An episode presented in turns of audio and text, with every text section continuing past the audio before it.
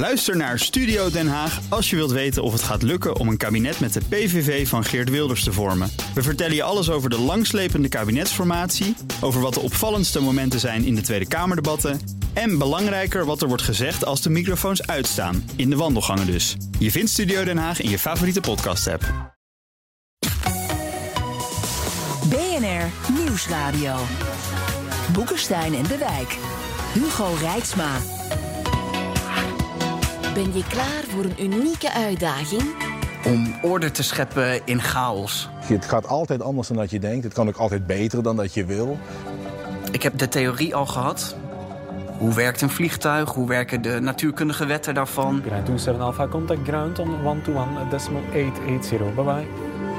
Focus is heel erg belangrijk uh, in, in deze job. Wat je zelf meebrengt is een dosis creativiteit, duidelijke communicatie en kunnen denken in oplossingen. Om heel eerlijk te zijn, toen ik, met, uh, toen ik mij aanmeldde voor de selectie, dacht ik eigenlijk van nou, we moeten nog maar zien of dit lukt. En uiteindelijk bleek ook ik geschikt te zijn. Ook werken voor de luchtverkeersleiding in Belarus. Een unieke uitdaging. Welkom bij Boekestein naar de Wijk. Op zoek naar de nieuwe wereldorde. Met in de studio Frequent Flyers, Arendtje Boekestein en Rob de Wijk. En onze gast is oud-piloot en luchtvaartdeskundige Benno Baksteen. Welkom. Ik heb al een jaar niet meer in een vliegtuig gezeten. Oh, daar gaan je punten. Daar gaan mijn punten, ja. Nou, ik zag dat ze verlengd werden door de KLM. Want jij bent wel echt een kilometer maar. Ja. ja.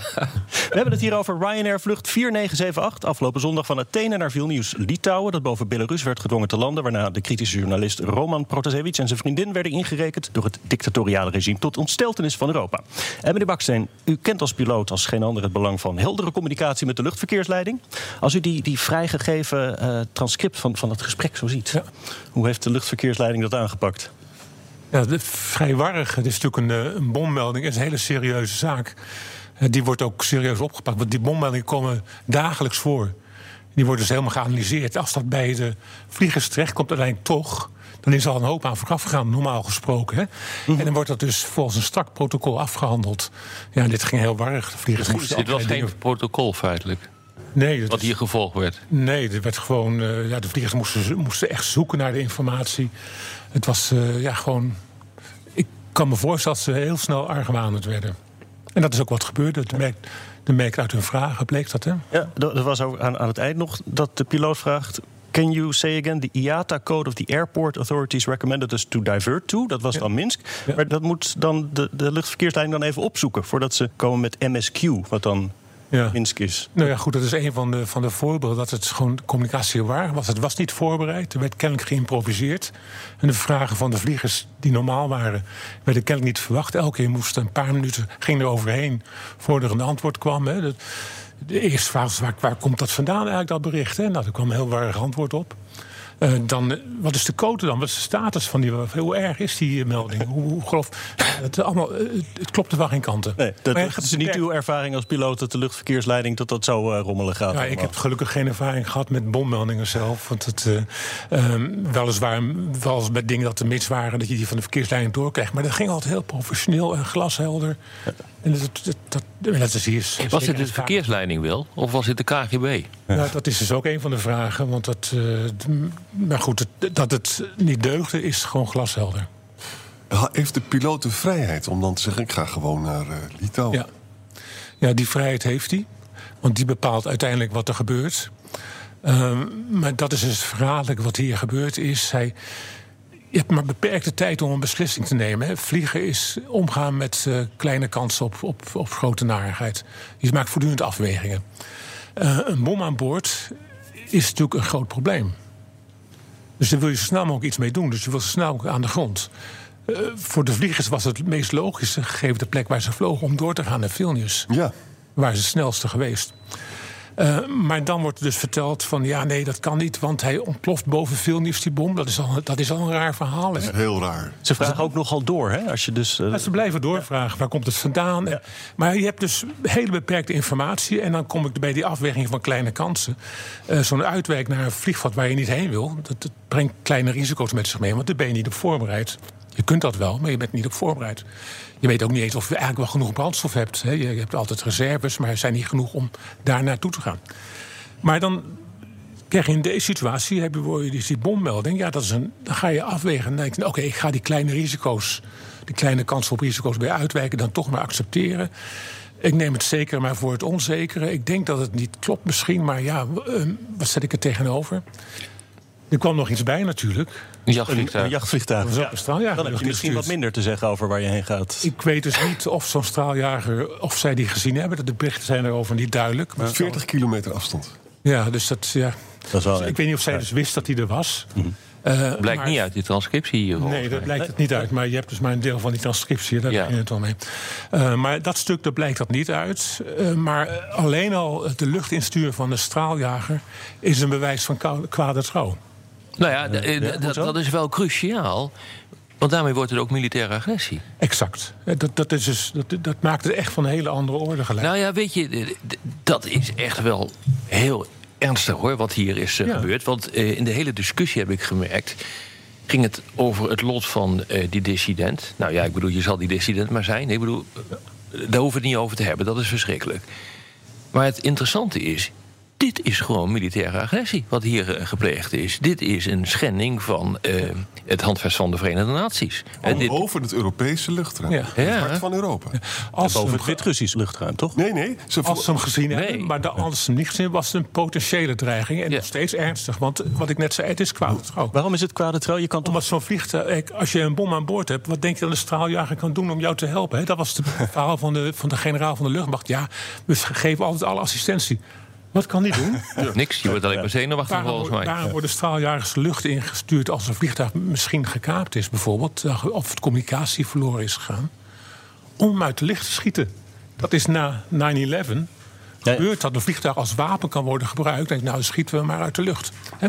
Dus het is of dat, of het is gewoon intimidatie. En dan inderdaad, dan is het dus een onderschepping van een militair vliegtuig. Al gebeuren. Er zijn ook protocollen voor. En wanneer gebeurt dat? Als een burgervliegtuig iets doet wat het land van dat het luchtruim beheerst eh, niet bevalt. Ja, dat gebeurt hier in Nederland ook route. regelmatig. Ja, het vliegt buiten de route naar een militaire installatie of zo.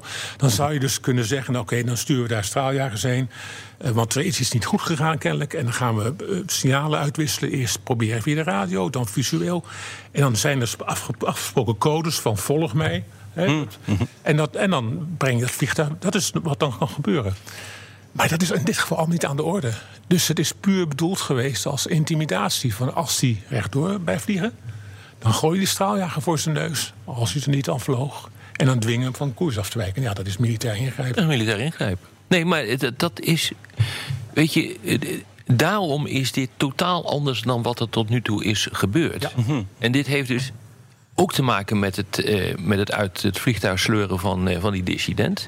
Maar wat nog veel ernstiger is, en dat overstijgt die dissident en het binnenlandse politiek daar. Is dat je dus militaire middelen inzet om een vliegtuig eh, te dwingen uit een EU-land. Het interessante is natuurlijk dat het een Ierse maatschappij is, EU-land. Het, is, het ging van Griekenland naar Litouwen, volgens mij. Ja. Twee EU-landen. En wat je dus hier ziet, is dat de EU aan zet is en niet de NAVO. En dat maakt het, dat maakt het dus ook curieus, omdat eh, Ierland is een neutraal land en zit niet in de NAVO. Dus, om, dus je ziet nu dat de Europese Unie nu geconfronteerd wordt met een, een veiligheidscrisis, een, een militaire crisis. En dat is volstrekt uniek. En daarom is het ook zo interessant wat er nu aan de hand is. En, en von der Leyen, en dat past helemaal ook in het beeld van waar we het nu over hebben, heeft ook gezegd van hier is Europese soevereiniteit in het geding. Ja, dat, bedoel, dat, dat, dat, dat was even een klein bijzinnetje. In, eh, en dat ging ten onder, weer ten onder in allerlei andere discussies die totaal niet te zaken deden. Maar dit is wel de crux. Want als dit het geval is, ja, dan weet je, eh, dat is bijna een oorlogsverklaring. Het was een moment van geopolitiek ontwaken, zou ik. Hè? Ja. Overigens nog één ding. Stel je nou eens voor dat de sancties die we doen... dat het toch allemaal niet zoveel voorstelt. Stel je voor dat Wit-Rusland daarmee wegkomt... of de pijn daarvan kan dragen. Dan ben je dus gewoon... Dan weet elke dictatuur, elke autocraat in de wereld... weet dat je hiermee weg kan komen. En dan is het een hele gevaarlijke wereld. Ja, het lijkt me het, vliegen niet, niet ver gemakkelijk op die manier. Zowel voor, voor, voor eh, de piloot als voor, eh, Maar dat is Mensen in het vliegtuig zelf. Dat is natuurlijk de essentie. Hè. Dus het is heel belangrijk om die internationale verbindingen in stand te houden. Dat geldt voor diplomatie. Ja. Dat geldt, maar dat geldt ook voor die luchtverbindingen. Het vrije verkeer van personen en goederen is essentieel. Ook als het gaat om schurkenstaten. Je moet het open houden.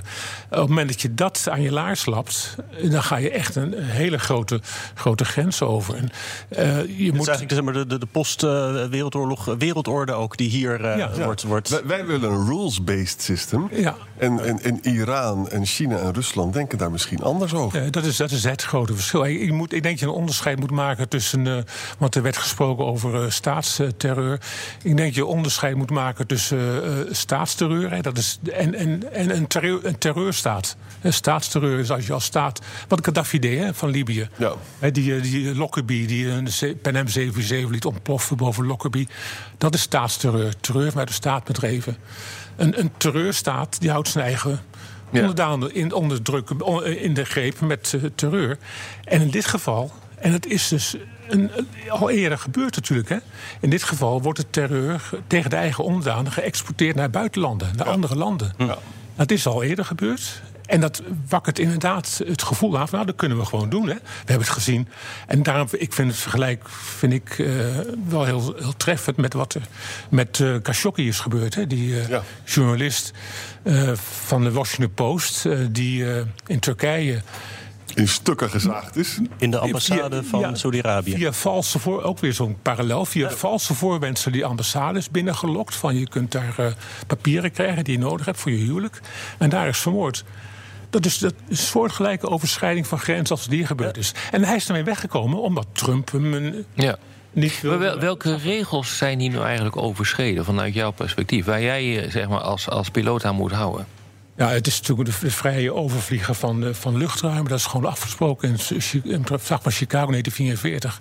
Juist om eh, volkeren bij elkaar te brengen. In 1971, meen ik, is het nog aangescherpt met het verbod om valse informatie. Ook weer relevant hiervoor. Eh, uit, eh, Kijk, vliegers moeten in korte tijd beslissingen nemen. En moeten ze kunnen vertrouwen op de informatie die ze hebben. En kan je geen goede risicoafweging En, en, en dat is natuurlijk, de, er is iets gewoon valse informatie. Laten we daar nou maar even van. eh, wat, wat zijn daar dan de gevolgen van als je, als je dat doet voor een land? Ik bedoel, dus je zit de boel te verneuken, daar komt het eh, even plat gezegd op neer. Even eruit knippen die eh, wat. En, en eh, nou ja, in deze, in, in, goede in, in- dit is wel een redelijke term hoor. Op dit gebied misschien nog zelfs wel een onderste- understatement. Eh, maar eh, wat zijn hier dan, eh, zeg maar, ook de consequenties van ten aanzien van de regels die gelden? Ja, dat, dat is dus moeilijk, want er staan nu echt sancties op natuurlijk. Die moet je nu gaan bedenken. Ja. En als je die sancties te slap maakt, eh, ja, dan, dan laat je de facto gedoog je dit soort gedrag. En dan is het hek echt van de Ja, dam. dat is mijn punt ook. En dat is de kern, hè? Dat is de kern. En, en eh, ik, ik, ik heb er deze week in de media nog wat over gezegd. Van, eh, je kunt niet meer wegkomen met eh, een, een sanctie hier en daar. Je moet nu gewoon echt een punt maken. Want doe je dat niet, dan zet je gewoon de deur open naar dit soort gedrag in de toekomst. En dat betekent ook dat eh, je een verschrikkelijke onveiligheid introduceert in de hele luchtvaartindustrie. Absoluut, in de hele wereld. Ja, problemen stuurt je met eh, sancties. We hebben dat gezien toen met Noord-Korea en zo. De sancties treffen dan vooral de bevolking. Hè. De, de, de top blijft gewoon rustig eh, de caviar en de champagne laten aanrukken. Die, komen daar, die hebben daar geen last van. Dus je moet dus zoeken naar sancties die de individuen aan de top raken. BNR Nieuwsradio. Boekenstein en de Wijk. Op zoek naar de nieuwe wereldorde. Dit is Boekenstein en de Wijk. En dat programma is natuurlijk niet zonder Arjan Boekenstein en Rob de Wijk. Mijn naam is Hugo Reitsma en onze gast is vliegenier Benno Baksteen. Tussendoor iets over een andere podcast. Het Nieuwe Geld, gemaakt door Rijn-Jan Prakke. Rijn-Jan belegde ooit in Ethereum. Zijn winst verveelvoudigd, om vervolgens in rook op te gaan. Resultaat, een fascinatie voor ons geldsysteem. In de podcast gaat hij langs bij economen en stelt vragen... die zo voor de hand lijken te liggen dat ze misschien wel te weinig gesteld worden. Wat is geld? Om te eindigen met de zoektocht naar de toekomst van ons geld. Het Nieuwe Geld, luister hem in de BNR-app. En in zijn geval, hoe krijg ik mijn geld terug, volgens mij? nou, over geld gesproken, want eh, je, je maakte net een opmerking... eh, dat je dus eh, moet proberen om de leiding te treffen en de bevolking niet. Het interessante is dat nu vanuit de oppositie wordt gezegd... gooi dat land uit SWIFT. SWIFT is een soort financiële nucleaire optie. Want dat, die, SWIFT maakt het, Betaling mogelijk, ja. de, betaling, de, de grensoverschrijdende betalingen mogelijk. Doe je dat niet, eh, of, of blokkeer je dat, dan dondert het land in elkaar. Ehm, en dat wordt, daar wordt dus nu door de oppositie zelf toe opgeroepen. Dat treft direct de bevolking. Want SWIFT gaat, eh, maakt het land financieel kapot.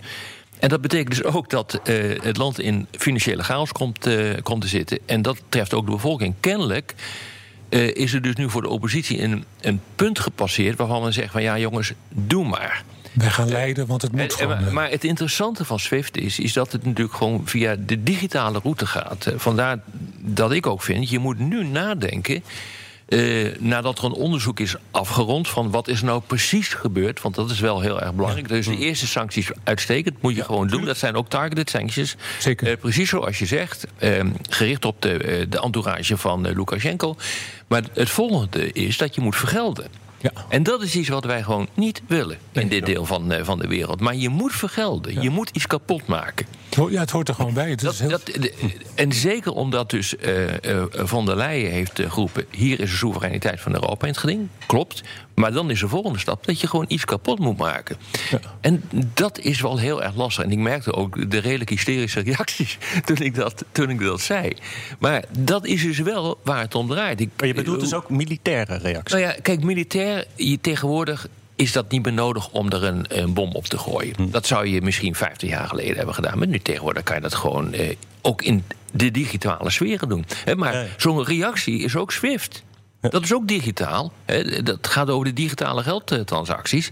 Maar het kan ook zijn dat je zegt van... eh, ik, eh, ik ga een aanval uitvoeren op de KGB. Ik zorg ervoor dat eh, het veiligheidsapparaat niet meer in staat is om de zaak onder controle te houden. Nou, dat wordt gezellig. Ik, ik bedoel, nee, maar kijk, als je dat kunt doen in Noord-Korea, hè, waarmee je dus eh, zo'n afgesloten land, waarbij je het raketlanceringen kunt ontregelen, dat is gewoon gebeurd. Of je gaat Natanz in, eh, dus Ja, het, de, de, de opwerkingsfabriek van, eh, van Iran. Nou, dan is dit echt een fluitje van de cent. En het leuke is, hele goede ICT-specialisten en programmateurs, dat zijn Wit-Russen. Ja. En die zijn door de bank genomen allemaal tegen Lukashenko. Ja. Ik ben het helemaal met je eens erop dat vergelding hier gewoon... er valt geen spel tussen te krijgen, dat zou moeten gebeuren. Het trieste is, als je ziet wat de EU aan het doen is... hè, dan, ze willen dus de bevolking niet raken. Dat betekent dus target, dat is allemaal prima. Maar dat betekent ook dat, dat, dat, dat Lukashenko dat kan overleven natuurlijk. Hè. Verder zijn ze heel erg bezig met juridische consequenties. En het gaat over, wij kopen daar namelijk olie en gas. Dat zijn lange termijn contracten.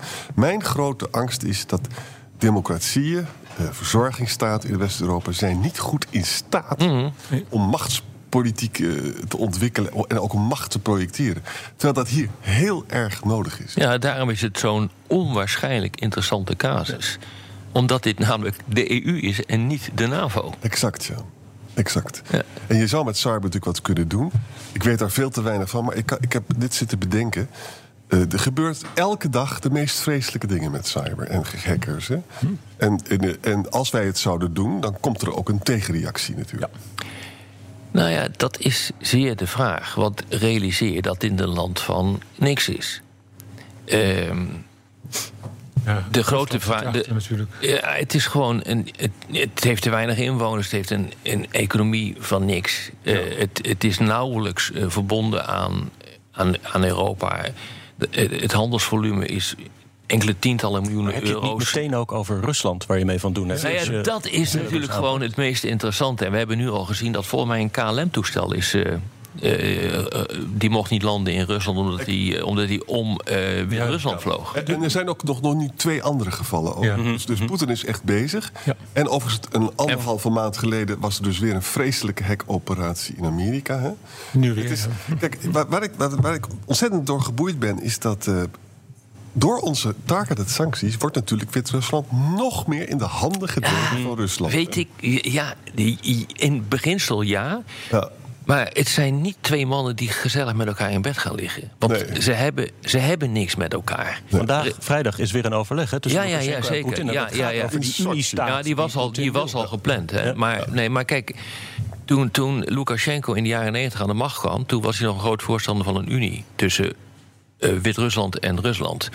na de annexatie van de Krim in 2014 is er anders over gaan nadenken. En toen dacht hij van ja, weet je, ik wil ook niet geannexeerd worden en een soort marionet worden van Poetin. Ik wil nog wel een, gewoon een echt staatshoofd zijn. Maar door deze, maar door een onafhankelijk land. Waarop door deze daad kan hij dus het Westen en Rusland niet meer tegen elkaar uitspelen. Hij is nu gewoon in de achtertuin van Poetin. Ja. Poetin is hier heel blij mee. Mm, ik vraag het me af. Want ehm, ik vraag het me af. Kijk, want als die sancties of vervolgacties ertoe leidt dat er inderdaad een opstand komt in dat land en die kans is niet denkbeeldig.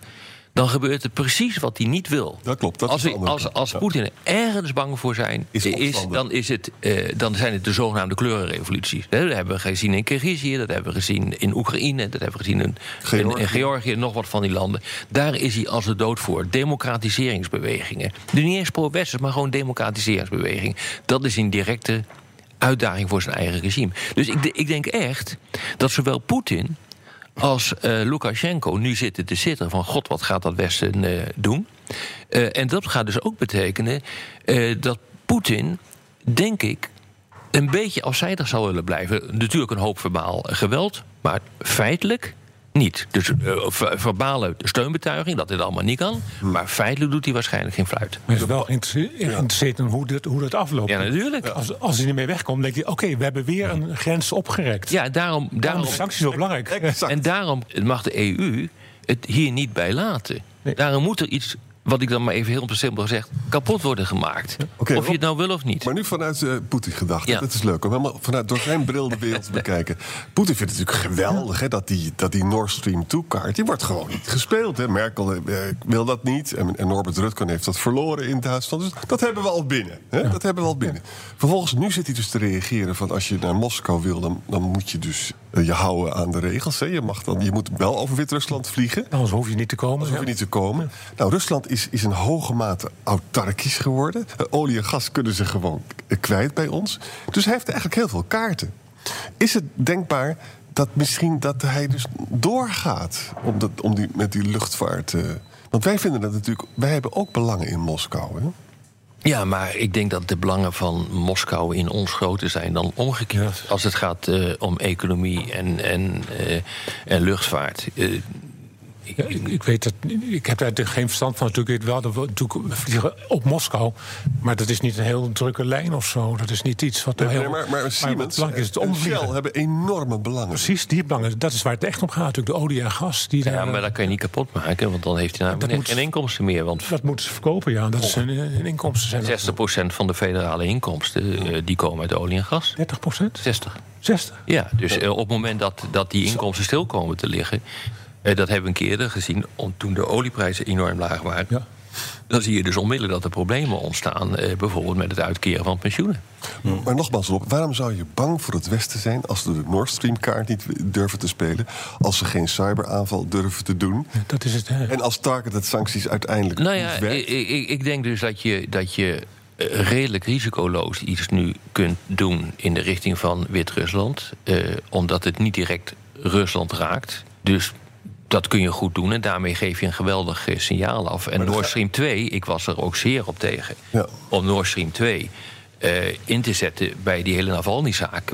Als je dan al eh, voor zoiets doet... ik bedoel, ik onderschat niet wat, wat, wat Navalny overkomt... maar als je dan al doet... ik bedoel, wat heb je dan nog aan escalatievermogen? Dus dat moet je gewoon niet doen.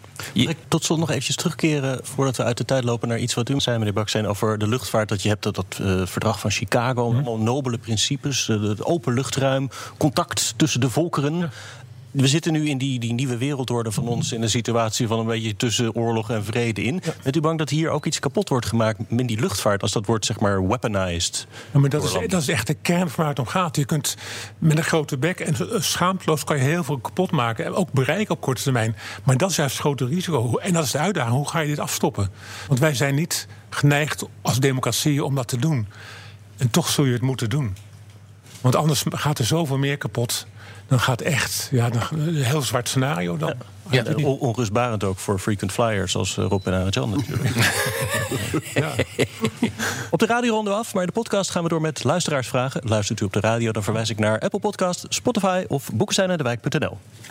Heino Blankaart vraagt: De bommelding schijnt verstuurd te zijn nadat het vliegtuig was, nadat het vliegtuig was omgeleid. Ja, eh, Hamas ontkent betrokkenheid. Waarom een bom boven Vilnius laten ontploffen? Het was blijkbaar ook toevallig dat Protasevich aan boord was. Is dit slecht handwerk of maakt het niet uit, want het doel van Belarus is bereikt? Ja, Rob hoe kijken jullie Ja. daarnaar? Is dit weer de, de- van die typische KGB-methodes? Het maakt niet uit eh, hoe. Als het Ja, kijk, maar- de- kijk, dit is natuurlijk allemaal niet zo ingewikkeld. Hè. Er werd gezegd, ja, daar heb je de Russen voor nodig. Nou, dat is natuurlijk gewoon niet zo. Die KGB is mans genoeg om een paar eh, van die eh, eh, dissidenten te volgen. Te kijken waar ze zitten. Ik bedoel, daar heb je natuurlijk gewoon je inlichtingenkanalen voor. En je weet gewoon dat die lui op een vliegtuig stappen. En nou, dat is, daar heb je helemaal geen hulp voor nodig. Dat kan je gewoon zelf ook doen. En KGB heeft hele nauwe contacten met de GRU. Hè? Dus die, waarschijnlijk wisten ze er wel van wat daar aan de hand was. Zou kunnen. Zou kunnen. Hier, hier nog een eh, heel inhoudelijke luchtvaartvraag van Ineke Arends. Die vraagt: Had de captain aan boord kunnen blijven met het stel? Dan konden ze toch niet gepakt worden. Het vliegtuig is toch Brits grondgebied? En hoezo kon de captain met minder personen aankomen dan dat hij eh, eh, vertrok? Is het vliegtuig dan opnieuw ingeklaard? Ik begrijp niet alle terminologie Dat is wel hier, een- maar een dat is- ik kan me er bij voorstellen. Ja. Ja, om te beginnen is het vliegtuig was Pools geregistreerd. Het was dus Pools grondgebied eigenlijk. Eh, maar dat houdt op op het moment dat de deuren open gaan. En dus dan, eh, als je geland bent ergens en de deur gaan open... Ja, dan Oh. val je onder de lokale autoriteiten weer. Ja, en ja, het is een kwestie van intimidatie weer. Als je daar als gewone burger, eh, vlieger staat... en er staan er drie mensen met Kalashnikovs... en zeggen, komt u er maar even uit, weet je wel? Maar geldt er niet zoiets als, als met een schipper dat je als laatste van boord moet? Of dat je niet. eh, je bent toch ook een beetje verantwoordelijk als piloot voor. Ja, maar ja, je mensen weinig, ja dat, is, dat is zeker zo. En je zult ook eh in allerlei situaties, inderdaad ook als laatste van boord gaan, als je die optie nog hebt natuurlijk. Maar dat is hier niet aan de orde. Je bent opgepakt daar. Ehm, Ja, dat was een er bommelding. gedaan of er een bommelding is. Dus iedereen gaat eruit, de koffers worden neer, de honden worden... Ja. en Zoals dat normaal ook zou gebeuren ook. Hè. En dan, eh, ja, dan, op een gegeven moment komen er dan eh, drie of, of, of in dit geval vijf mensen niet terug. Hè. Dit, eh, de journalist en zijn vriendin en de drie KGB-mensen die erbij zaten. En nog één passagier die toevallig daar moest zijn in Minsk. Die was heel blij. Die, die was heel blij. Die Een stapte vreemde zaak. Maar dus u zou niet zeggen dat, dat de piloot in deze wat valt te verwijten? Nee, die heeft geen enkele optie natuurlijk. Die heeft de optie om, ik ga niet weg zonder dat die mensen terug zijn. Nou, dan ga je niet weg, zeggen ze dan. Hè? Ik moet, Zou de piloot op de hoogte zijn geweest dat Protasevich aan boord was? Nee, dat denk ik niet. Nee, ik denk dat hij, eh, ook als je die communicatie ziet, hè, er is daar sprake van verwarring, niet van een spelletje vanuit de piloot. Van ik ga dit nog een beetje rekken of zo. Nee, die heeft totaal niet in de gaten wat er aan de hand is. Hij vertrouwt niet. Maar denkt van ja, weet je, eh, kan het risico ook niet ik kan nemen. het risico niet nemen dat ik hier iets ontplof of ik uit de lucht geschoten word, als dat al aan de orde was. Dus ik volg maar die opdracht op en. Ik, ik, hij krijgt het in zijn mond gelegd dat hij het zelf kiest, hè, die, eh, die uitwijk naar Minsk. Dat is natuurlijk niet zo, maar goed, dat is wat hij doet. Ja, ja. Dat het een recommendation was van de Ja, ja dus luchtverkeersleiding. dat, is een Ja. woord, dat is een woordspelletje. En dat is natuurlijk, zodra je het juridisch maakt, krijg je te maken met woordspelletjes. In, de- in luchtvaart zijn wat praktischer. Regels en procedures zijn er om jou te helpen om je doel te bereiken. Het gaat om dat doel. Ja, en dat, ik heb dus ook moeite met dat soort spelletjes van, ja, hoe, hoe heb je dat precies verwoord? Nee. Ja, het wordt politiek dan. gewoon- dat is gewoon- dat is gewoon politiek dit. Ja. Oscar Courreau vraagt bij MH17 kostte het ook de nodige tijd om het luchtruim als onveilig te verklaren, net als hier. Is dit simpelweg de snelheid van het crisismanagementteam of zijn er onvoldoende lessen getrokken uit het verleden? Nee, nee, die, die, nee want dat, dat, die crisisteams zijn echt heel goed. Wat ik al zei, voor bommeldingen worden ze opgetuigd. In dit geval dus ook wordt er onmiddellijk een, eh, is er een eh, dreigingsanalyse gemaakt. Met, eh, is er een echt risico voor overvliegen? En dat was bij alle partijen die daarbij betrokken waren, vonden van niet. Dat was niet wat aan de orde is. Aan de orde is was een politiek statement. We vliegen er niet meer omheen. Ja, dat is niet aan de luchtvaartmaatschappij. En toen het een politiek statement werd, nadrukkelijk ook door Rutte zo Ja. neergezet. Ja, dan ga je het gewoon opvolgen, want dat is dan iets anders. Daar heb je verder niks mee te maken. Maar als luchtvaartmaatschappij ga je geen politiek bedrijven. Maar het betekent wel dat je risicoanalyses nu moet veranderen. Want eh, dus MH17 heeft ertoe geleid dat die risicoanalyses zijn veranderd. Hè, dat, je, eh, niet, dat je van tevoren wel even moet nadenken of je over zo'n gebied kan. en, eh, Ja, maar daar werd geschoten dus. Daar werd geschoten, maar we zien dat nu ook met andere gebieden. Hè, dat er toch eh, veel beter over wordt nagedaan. Maar wat je nu ziet, is dat er dus een politiek statement is eh, gemaakt door, een, door een leider. Die moet je dus nu bij je risicoanalyses betrekken. Dus dat zou eigenlijk gaan betekenen dat als je hier dus geen paal en perk aan stelt. ehm, elke leider die die ons niet mag. Ja. Over dat land kan je niet meer vliegen. heeft een nieuw instrument gevonden Ja. dat ik straffeloos kan gebruiken. Ja, het doet mij zeer sterk denken aan, eh, aan kapingen. Ja. Eh, in de jaren zeventig was het natuurlijk aan de, aan de lopende band. En op een gegeven moment is dat ook weggeëpt door allerlei veiligheidsmaatregelen. Maar die zijn draconisch eh, geweest. Dus dat ga je nu ook krijgen, denk ik. Reken maar dat Iran goed meekijkt. Dus dat wordt vaker omvliegen voor luchtvaartmaatschappijen. Eh, ja, Zijn ze niet ik- dol op, hè? Want ik het denk- kost een hoop kerosine. Ja, dit Nou ja, dan gaan de tickets omhoog. Maar Precies, dan ja. wordt er gewoon minder gevlogen. Dus de milieubeweging zal nog wel blij zijn ook, denk ik. Ja, ik, alles is uiteindelijk, eh, uiteindelijk om, gaat het om geld. Eh, omvliegen kan altijd, maar het, eh, de, de wereld is vrij versnipperd. En dat omvliegen kan op een gegeven moment ook niet meer. Hè? Want dan zitten overal wel plekken waar helaas is het aantal democratieën neemt af. Ja. Het aantal schurkenstaten neemt toe. Dus ja, dat is een reëel risico. Dat dat betekent, en dat is het grote belang om het juist intact te houden. Ook, is ook in het belang van de schurkenstaten. Maar goed, dat is lange termijn belang natuurlijk. Paul Musk, eh, zo, die vraagt naar Swift, dus die is al bediend. Lodewijk Hof vraagt hoe zit dit in verhouding tot wat in 2013 in Wenen is gebeurd? En dat betrof een regeringsvliegtuig. Ja, dat was die Morales. Ja, ja, ja, is dat ja. toen Maar dat is een of heel- met Snowden die misschien aan Ja. boord was. Maar dat is onze verontwaardiging hier selectief, is denk ik de Ja. vraag Nee. van Lodewijk. Nee, dat is niet vergelijkbaar. Eh, ik, heb, ik heb die dingen ook langs zien komen en ook onmiddellijk naar gekeken. Er zijn twee gevallen in het verleden die er een beetje op lijken, maar toch totaal anders zijn. Gewoon van Morales, die van Moskou terug wilde vliegen. Ehm, dat was een regeringsvliegtuig, dus dat, daar gelden andere regels voor. Die moeten toestemming ook hebben om te overvliegen. Die hebben niet een continue toestemming zoals de verkeersvliegtuigen hebben. Eh, en die is dus niet voorgelogen, daar is gewoon het luchtruim voor gesloten. Waardoor je op een gegeven moment geen optie meer had dan te landen in Wenen. Hè, dus dat is van een echt andere orde. En eh, daarvoor was 1985. Daar- Toen zijn, eh, hebben de Amerikanen hebben een, eh, een eh, Egyptisch vliegtuig onderschept en laten landen in Sicilië. En waarom was dat? Ook van een andere orde. Die, er zaten kapers aan boord. Die hadden een cruiseschip gekaapt. Oh, Amerikaan Palestijnse, vermoord. eh, ja. En, dus, en dat, het was dus ook geen verkeersvlucht. Het was gecharterd. Het was speciaal om die kapers te vervoeren. En die zouden naar, geloof naar eh, ik weet niet waar ze heen gingen, naar eh, Tunis of zo. Of naar Algiers zouden ze gaan. En toen, zeiden ze, en toen gingen ze naar Tunis, daar hun hoofdkwartier was.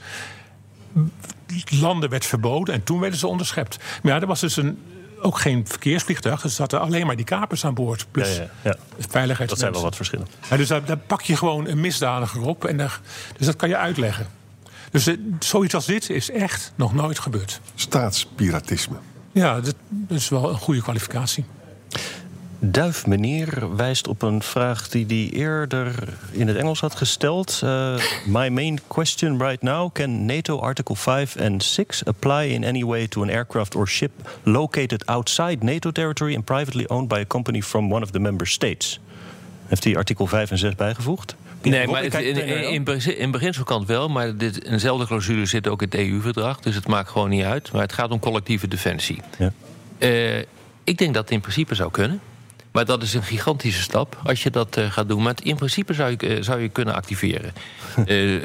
Zou je de, defen- de collectieve defensieclausules kunnen, kunnen activeren. Want het, als het dus inderdaad zo is dat hier dus het, eh, het VN-handvest eh, met voeten is eh, getreden... en je dus een daad van agressie hebt gedaan... die niet een respons is op agressie, want dat mag namelijk wel...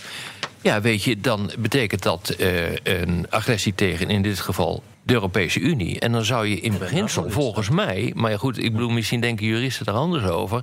zou je inderdaad het, de collectieve defensieclausule kunnen activeren. Nou. Ehm, Wordt het dan niet gezelliger op, hoor, kan ik je... Henk Tverda vraagt: Ik begrijp dat men na het oppakken van Protasevich het luchtruim van Belarus wil vermijden. Maar wat heeft het voor nut om het luchtruim van Belarus te vermijden voor vluchten naar Rusland? Als men veilig naar het land van Poetin kan reizen, dan moet het luchtruim van Belarus ook veilig zijn. Nee, dat is, hoeft dus niet zo te zijn, omdat het gewoon twee verschillende landen zijn. We gooien iedere keer met Rusland en Wit-Rusland op, eh, eh, op één hoop. Maar dat mag je helemaal niet doen. Het zijn gewoon twee landen, punt. en, en het moet eerst nog maar bewezen zijn of, of, of Rusland daar op een of andere manier bij betrokken is eh, geweest. In ieder geval niet actief op deze manier. Want ik bedoel, dit is wel vanuit. eh, vanuit Lukashenko's burelen gekomen, hè, wat, er, wat er gebeurd is. Dus nee, je moet dat onderscheid wel echt blijven maken. Oké. Dan tot slot dan uh, Freek Zuid. Die vraagt: er wordt vanuit de EU gesproken over sancties. Sancties na de MA17 voorkwamen niet dat de Nederlandse overheid stiekem dooronderhandelde met Rusland over gas. Je kan het niet heel serieus nemen. Wie of wat moet controleren uh, of dit allemaal gebeurt? Nou ja, kijk, sancties werken in de, door de bank genomen niet. Die, eh, die zijn, uh, dat is een methode om je ongenoeg duidelijk te maken. Hm. Maar het is dus gewoon echt niet zo dat je door middel van sancties uh, echt een land op andere gedachten kan brengen. Maar, en dan wordt dat altijd als bewijs gezien van dat die Europeanen toch geen deuk in een bakje boter kunnen slaan. Maar kan je melden, de Amerikanen kunnen het ook niet. Sancties in algemene zin werken gewoon niet goed. Uh, China heeft nu sancties opgelegd aan de Europese Unie. Nou, ik bedoel, dat maakt ook niet uit. Dat werkt ook gewoon niet. Maar het is een goede methode om te zeggen van... nou, wat er nu gebeurd is, dat vinden wij toch niet zo leuk. Maar wil je echt wat gaan doen, ja, dan zul je uit een ander vaatje moeten gaan tappen. Hmm. Dit was er Boekenstein aan de Wijk. Eindelijk weer eens een aflevering met oorlogstaal. Rob. Nou. Dames en heren, Boekenstein en Rob de Wijk zeg ik dank voor het luisteren. Speciale dank aan Benno Baksteen en tot volgende week.